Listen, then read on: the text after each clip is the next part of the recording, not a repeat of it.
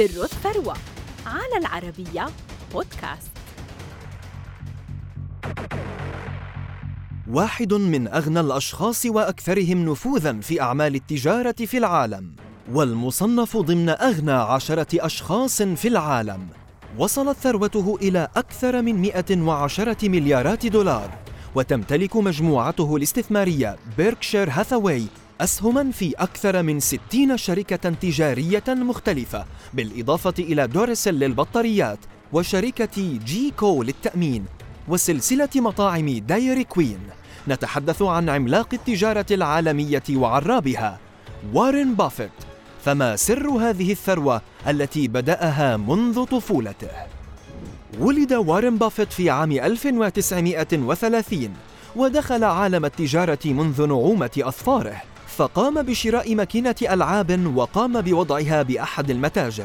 وفي غضون أشهر قليلة امتلك ثلاث ماكينات في أماكن مختلفة وقام ببيعها مقابل 1200 دولار ليكمل وارن بافيت بعد ذلك دراسته في إدارة الأعمال. وبدأ بعدها رحلة جديدة في عالم الأعمال التي أدرت عليه الملايين بل المليارات. أسس وارن بافيت شركة بافيت المحدودة في عام 1956 برأس مال 105 ألاف دولار جمعها من أصدقائه وعائلته.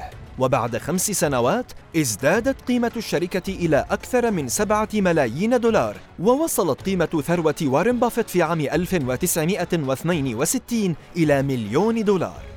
متأثرا بكتاب المستثمر الذكي لبنجامين جراهام توسع وارن بافيت بأعماله وقام بشراء أسهم الشركات المقدرة بأقل من قيمتها ومن ضمنها بيركشير هاثاواي فقام بشراء أسهمها تدريجيا حتى استحوذ عليها بالكامل بعد خمس سنوات. وحول عمل الشركة من صناعة النسيج إلى الاستثمار فاستمر بشراء الأسهم في العديد من المجالات كالتأمين والطاقة والأغذية والإعلام. وأصبحت شركته بيركشير هاثاواي إمبراطورية تضم تحت مظلتها أكثر من ستين شركة وعلامة تجارية. ولها أسهم في أهم شركات العالم مثل واشنطن بوست وإكسون للطاقة وشركة التأمين الشهيرة جي كو وفي عام 1979 وصلت ثروة بافيت إلى 620 مليون دولار. وفي عام 1988 اشترى 8% من أسهم شركة كوكاكولا بقيمة وصلت إلى 1.3 مليار دولار. وفي عام 2013 قام بشراء شركة صلصة الطماطم الشهيرة هاينز بقيمة وصلت إلى 28 مليار دولار وأصبحت شركة بيركشير هاثاواي إحدى أضخم الشركات في العالم.